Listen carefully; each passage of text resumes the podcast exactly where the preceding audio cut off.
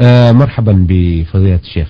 حياكم الله. آه في أول هذا اللقاء نستعرض بقية أسئلة المستمع صالح محمد العبد الله من بريدة الذي سأل عن الإسبال في رسالته هذه واستعرضناها في الحلقة الماضية. ويقول أيضا في سؤاله الثاني ما حكم التسمية في الوضوء؟ وإذا كان الإنسان في موضع لا يذكر فيه اسم الله فهل تكفي النية؟ وإذا نسي الإنسان التسمية فهل يصح وضوءه أفيدونا وفقكم الله؟ الحمد لله. التسمية في الوضوء مشروعة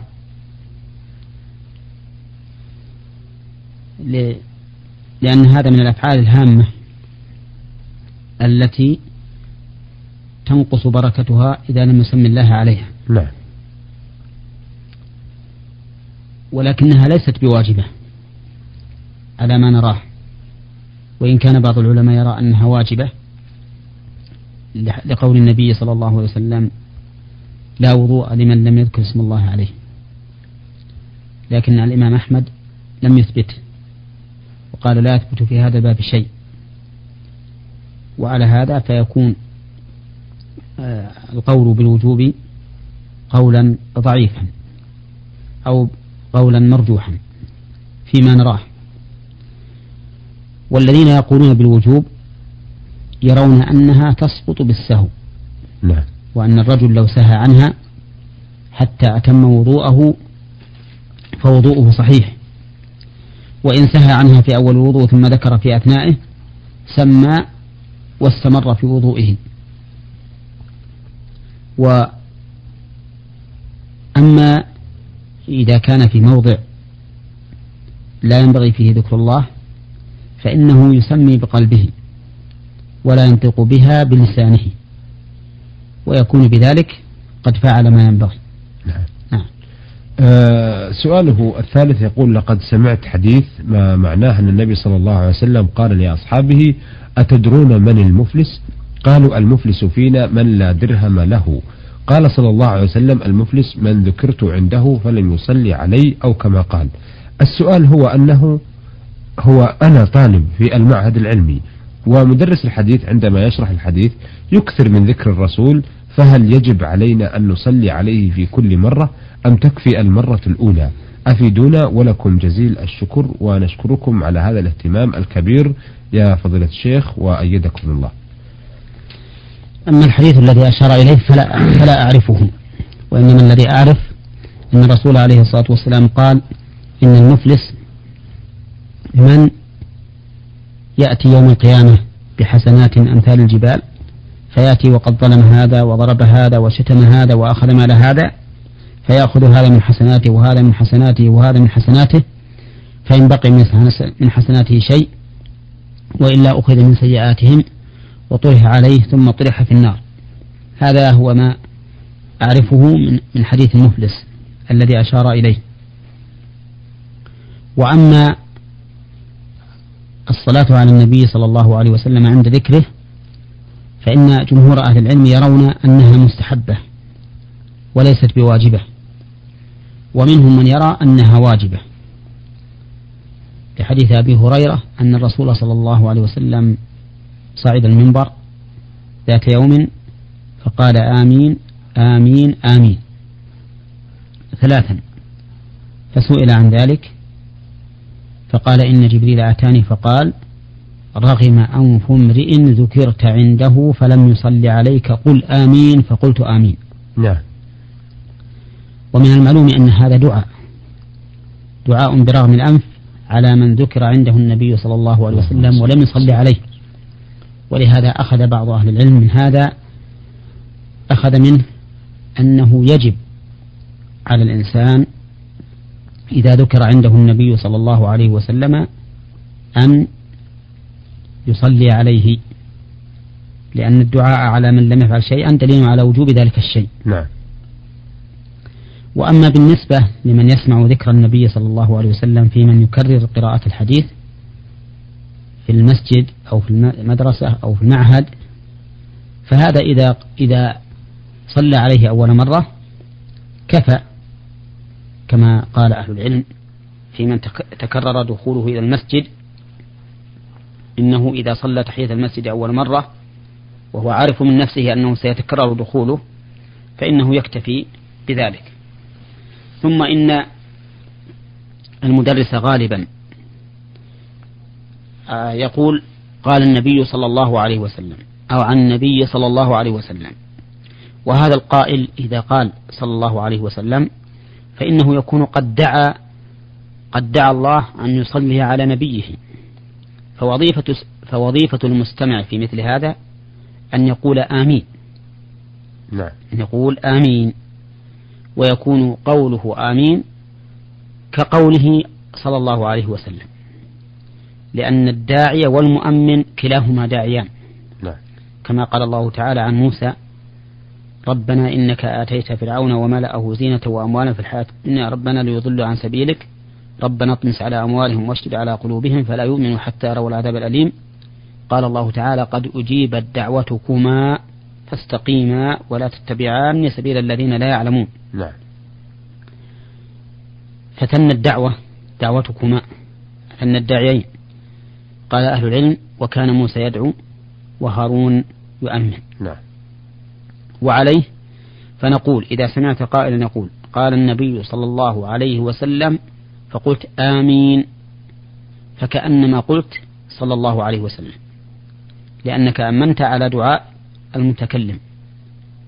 نعم إذا كان الإنسان يظن أن هذا المتكلم قال صلى الله عليه وسلم جر على العادة ولم يستحضر الدعاء فحينئذ نقول السامع يقول صلى الله عليه وسلم ولا يؤمن إذا علم أن قول هذا المتكلم صلى الله عليه وسلم درجت على لسانه بدون قصد فكأنه لم يدعو بالصلاة على النبي صلى الله عليه وسلم.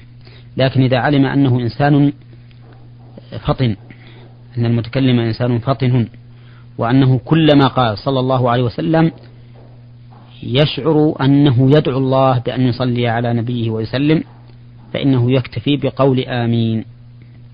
نعم. أه هنا أيضا آه، يحدث سؤال آخر وهو أن بعض الناس إذا أراد أن ينسب إلى الرسول صلى الله عليه وسلم شيئا يقول قال صلى الله عليه وسلم ولا يقول قال الرسول صلى الله عليه وسلم أو قال محمد صلى الله عليه وسلم. ففي مثل هذه هل يقال آمين أم يقال صلى الله عليه وسلم؟ هنا لا شك أن الضمير في قال يرجع إلى النبي صلى الله عليه وسلم. نعم. والظاهر أن الضمير كالمذكور. نعم. أن الضمير كالمذكور فعليه يدخل في قول النبي صلى الله عليه وسلم عن جبريل رغم أنف امرئ ذكرت عنده فلم يصلي عليك. نعم. هنا. آه هذه الرسالة وردت من المستمع محمد إبراهيم عسيري. وتضمنت عدة أسئلة. يقول السؤال الأول آه شاهدت في أثناء صلاة التراويح في شهر رمضان المبارك بعض من الأشخاص الذين يتأخرون عن صلاة العشاء مع الجماعة. فإذا حضروا وقد انتهت صلاة العشاء وقد قام الإمام والمصلون يصلون صلاة التراويح يصلون معهم صلاة العشاء. وحيث أنهم يصلون ركعتين فإذا سلموا يعني الإمام والمصلون ثبتوا لم يسلمون. ثم يقوم الإمام والمصلون آه، يبدون في الركعتين الأخريين. فيصلون الركعتين المتبقية من صلاة العشاء مع الركعتين الأخرى. ثم إذا انتهت أربع ركعات صلوا معهم التراويح. فهل هذا يجوز ما ذكر أم لا؟ أرشدونا وفقكم الله. أنا أعتقد أن المستمع محمد يقصد أن الذي يأتي وقد فاته صلاة العشاء يصلي ركعتين مع الإمام ثم يجلس للتشهد ولا يسلم. ويبقى جالسا ويقوم الإمام والمصلون ويأتون بركعتين ثم يجلسون للتشهد آه، الركعتين فيتشهد معهم هؤلاء الذين فاتتهم الصلاة ثم يسلمون دون القيام للحاق مثلا. لا لا. آه، هو صورة السؤال آه، إذا جاء والإمام قد شرع في التراويح. نعم. صلوا معه ركعتين. نعم. فإذا سلم الإمام لم يسلموا. نعم. فإذا قام الإنسان آه، للتسليمة الثانية. نعم. دخلوا معه دخلوا معه ليقضوا ما بقي من صلاتهم. ليقضوا ما بقي من صلاتهم. نعم. ولا يس... لا يقومون هم يعني بمفردهم. هم لا يقومون بمفرد... لا يتمون صلاة العشاء مفردين إيه، نعم. مفردين نعم نعم. بل ينتظرون حتى يقوم الإمام للتسليمة الثانية. فإذا كبر نعم. للتسليمة الثانية قاموا قاموا نعم. من التشهد وصلوا معه الركعتين الباقيتين. نعم. هذا صورة هذا السؤال نعم. التي سأل عنها. نعم. والجواب على هذا أن يقال بعد حمد الله سبحانه وتعالى الحمد لله. والصلاة والسلام على رسوله أن يقول هذه المسألة مبنية على أصل وهي هل يجوز للمفترض أن يصلي خلف المتنفذ فهذه مسألة خلافية بين أهل العلم منهم من يقول إنه لا يجوز للمفترض أن يصلي خلف المتنفل لأن صلاة المأموم هنا أعلى من صلاة الإمام. نعم. ولا يمكن أن يأتم الكامل بالناقص. لا يمكن أن يأتم الكامل بالناقص. ولأن الصلاتين مختلفتين. بل مختلفتان. وقد قال النبي صلى الله عليه وسلم إنما جعل الإمام ليؤتم به فلا تختلفوا عليه. نعم. ومن العلماء من قال إنه يجوز أن يصلي المفترض خلف المتنفل. يجوز أن يصلي المفترض خلف المتنفل. نعم. ويستدلون لذلك بما ثبت في الصحيحين من أن معاذ بن جبل رضي الله عنه كان يصلي مع النبي صلى الله عليه وسلم صلاة العشاء الآخرة ثم يرجع إلى قومه فيصلي بهم تلك الصلاة. له نافلة ولهم فريضة. نعم. ويقولون هذا يفعل في عهد النبي صلى الله عليه وسلم ولم ينكر. ودعوى أن النبي صلى الله عليه وسلم لعله لم يعلم به غير قائمة. لأننا نقول يبعد أن رسول الله صلى الله عليه وسلم لم يعلم به لا سيما وقد شكي معاذ إلى النبي صلى الله عليه وسلم بتطويل الصلاة. نعم. ثم على فرض أن يكون الرسول عليه الصلاة والسلام لم يعلم به فإن الله تعالى قد علم به. ولو كان هذا أمرا منكرا لبينه الله سبحانه وتعالى. نعم. فإن الله تعالى لا يقر على منكر ولهذا يفضح الله سبحانه وتعالى المنافقين بما أسروه في أنفسهم لأنه منكر. وقد استدل الصحابة رضي الله عنهم على جواز العزل عزل الرجل عن امرأته أثناء الجماع بأن القرآن ينزل. ومعنى استدلالهم هذا أن ما أقره القرآن فهو جائز. فهنا نقول فعل معاذ جائز بإقرار الله تبارك وتعالى له ولا بد نعم. وهذا لا معارض فيه. وإذا ثبت جواز صلاة المفترض بالمتنفل بالسنة الإقرارية التي أقرها الله تعالى في عهد الرسول صلى الله عليه وسلم دل على أن القول بالمنع قول ضعيف. وعلى هذا فيجوز للرجل أن يصلي الفريضة خلف من يصلي النافلة. وقد نص الإمام أحمد بن حنبل رحمه الله على أن من فاتته صلاة العشاء وصلاها خلف من يصلي التراويح فإنه لا بأس به. وعليه فنقول هذا الفعل الذي فعله الذي يفعله بعض الناس كما حكاه السائل فعل جائز. فيجوز للرجل إذا جاء وقد فاتته صلاة العشاء ووجدهم يصلون التراويح أن يدخل معهم بنية العشاء ولكل امرئ ما نوى. نعم. ثم إذا سلم الإمام من التراويح أتم هو ما بقي من صلاته. أتم ما بقي من صلاته أي من صلاة العشاء. إن أدرك الركعتين في التراويح أتم بركعتين. وإن أدرك ركعة من التراويح أتم بثلاث ركعات. لكن لا يتم وأما- الإمام. وأما آه، القول بأن هذا من اختلاف النية نعم.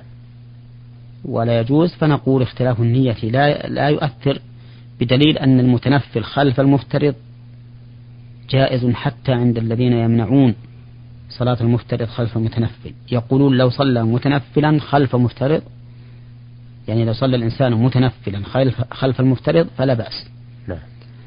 وعلى كل حال إذا فعلوا ذلك فلا بأس به. إنما الذي أتوقف فيه هو انتظارهم. انتظارهم الإمام حتى يدخل في التسليمة الثانية ويتمون الصلاة معه.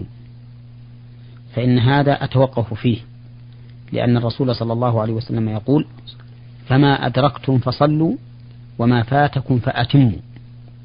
فإن ظاهره أن الإنسان يتم ما فاته مع إمامه وحده يتم وحده. يعني ما ينتظر حتى يشرع الإمام في في التسليمة الثانية لا نقول إذا سلم الإمام في الصلاة التي أدركته فيها فأتم ولا تنتظر حتى يدخل في صلاة أخرى. نعم, نعم. آه لأنه انقطعت صلاته الأولى بالتسليم. إي نعم. فكيف هذا ينقطع مثلا ويخرج من الصلاة وهذا لا يزال باقي فيه ينتظر الإمام؟ هو هذا اللي نعم. أقول لك أننا نتوقف فيه. نعم. فلهذا ما ينبغي أن يفعلون ينبغي أن يفعلوا إذا سلم الإمام من التسليمة التي أدركوها معه أن يتموا صلاتهم فرادى ثم يصلوا مع الإمام. نعم. أه سؤاله آه، الثاني يقول أه حول الحالة الاجتماعية عندما يتزوج الشخص ثم يكمل ما عليه من شروط ويريد أخذ المتزوج زوجته فيمنع ولي أمرها إلا أن تجلس تخدمه ولا تروح من بيته.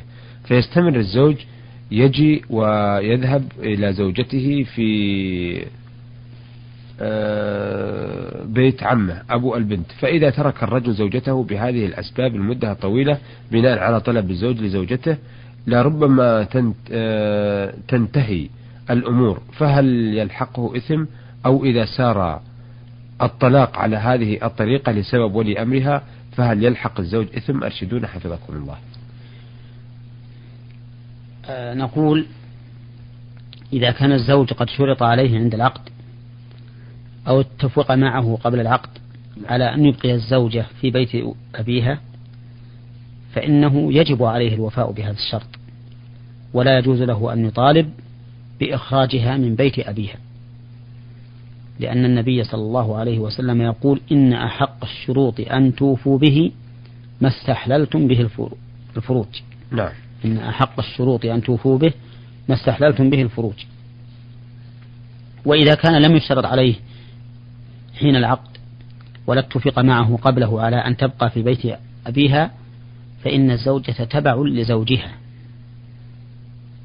فله أن يأخذها في بيته نعم. ويجبرها على ذلك نعم. ويسكنها معه. نعم. أحسنتم. أيها السادة إلى هنا نأتي على نهاية لقائنا هذا الذي استعرضنا فيه رسائل السادة صالح محمد العبد الله من بريدة الطالب بالمعهد العلمي ومحمد إبراهيم عسيري من جدة. عرضنا الأسئلة الكثيرة التي وردت في رسائل آه، هذين المستمعين آه، على فضيلة الشيخ محمد بن صالح عثيمين الأستاذ بكلية الشريعة بالقصيم وإمام وخطيب الجامع الكبير بمدينة عوني